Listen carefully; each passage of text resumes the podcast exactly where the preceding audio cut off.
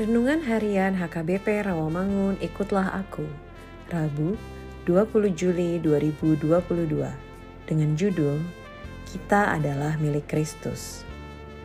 Bacaan kita pagi ini terambil dari 1 Petrus 3 ayat 18 sampai 22.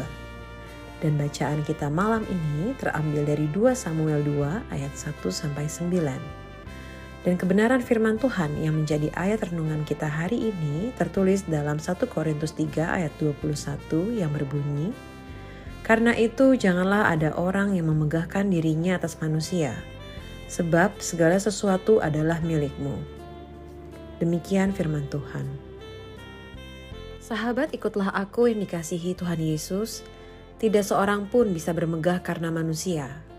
Apa yang bisa seorang manusia berikan kepada kita? Bisakah seorang manusia memberi kita keselamatan pengampunan?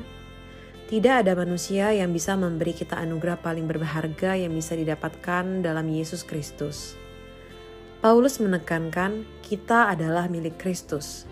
Karena Kristus, kita juga milik Allah. Tuhan ingin menyelamatkan kita sampai akhir dan melalui segala sesuatu membantu kita.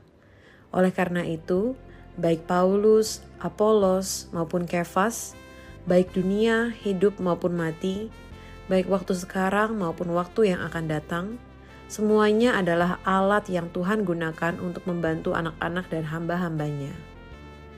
Deklarasi pernyataan yang luar biasa, betapa besar anugerah ini, semuanya kamu punya, segala sesuatu adalah milikmu. Ketika kita merasa putus asa, tidak berdaya, dan patah semangat, kita harus ingat, kita milik Tuhan Tuhan memegang kendali berkuasa atas segalanya. Martin Luther memperingatkan dunia untuk tidak memecah belah, membuat golongan atas namanya. Satu hal yang pertama-tama saya minta adalah untuk tidak meninggikan nama saya.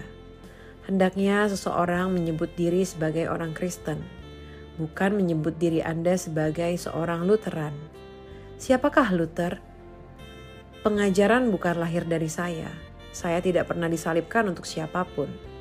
Paulus tidak memperbolehkan orang Kristen menyebut diri mereka aku dari golongan Paulus atau aku golongan Apolos. Hanya boleh menjadi aku milik Kristus, aku orang Kristen. Amin. Marilah kita berdoa. Ya Tuhan Yesus, jadikan kami satu sebagaimana Kristus satu di dalam Allah Bapa. Amin.